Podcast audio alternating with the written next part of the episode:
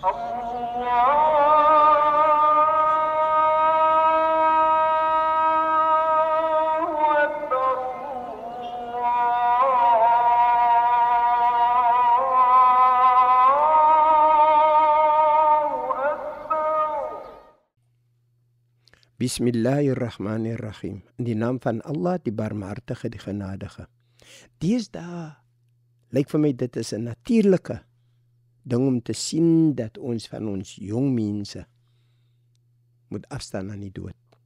Dit is of tragediese ongelukke of dit is uh, selfmoorde wat gepleeg word en so aan en so voort.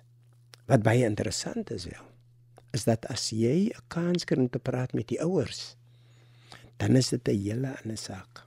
Van die ouers wil altyd weet waarom ons, waarom ek, waarom my kind? Waarom het dit met ons gebeur? Wat het ons verkeerd gedoen?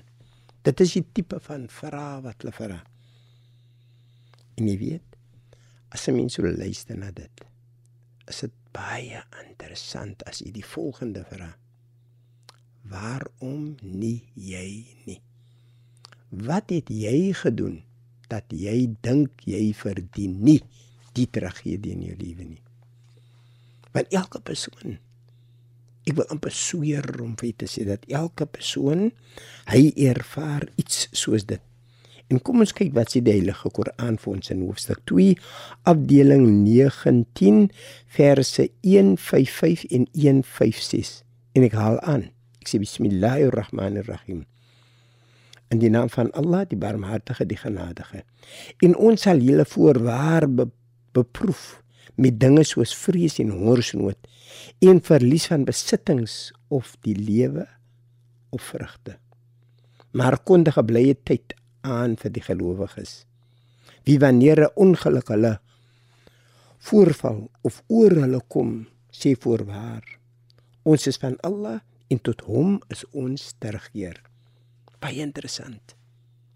Hulle weet dat dit is wat gaan gebeur en hulle is heeltemal bewus van die feit. As jy gelowig is, is jy heeltemal bewus van die feit dat jy moet eendag afsterf. En hoe dit gaan gebeur, dit is nie ter sprake nie.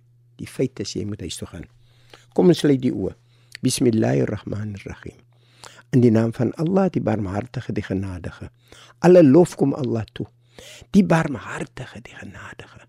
Meester van die oordeelsdag. U alleen aanbid ons en u alleen smeek ons om hulp. Lei ons op die regte weg. Die weg van hulle aan wie u guns bewys het. Nie die weg van hulle op wie u toorn neergedaal het of die weg van hulle wat afgedwaal het nie.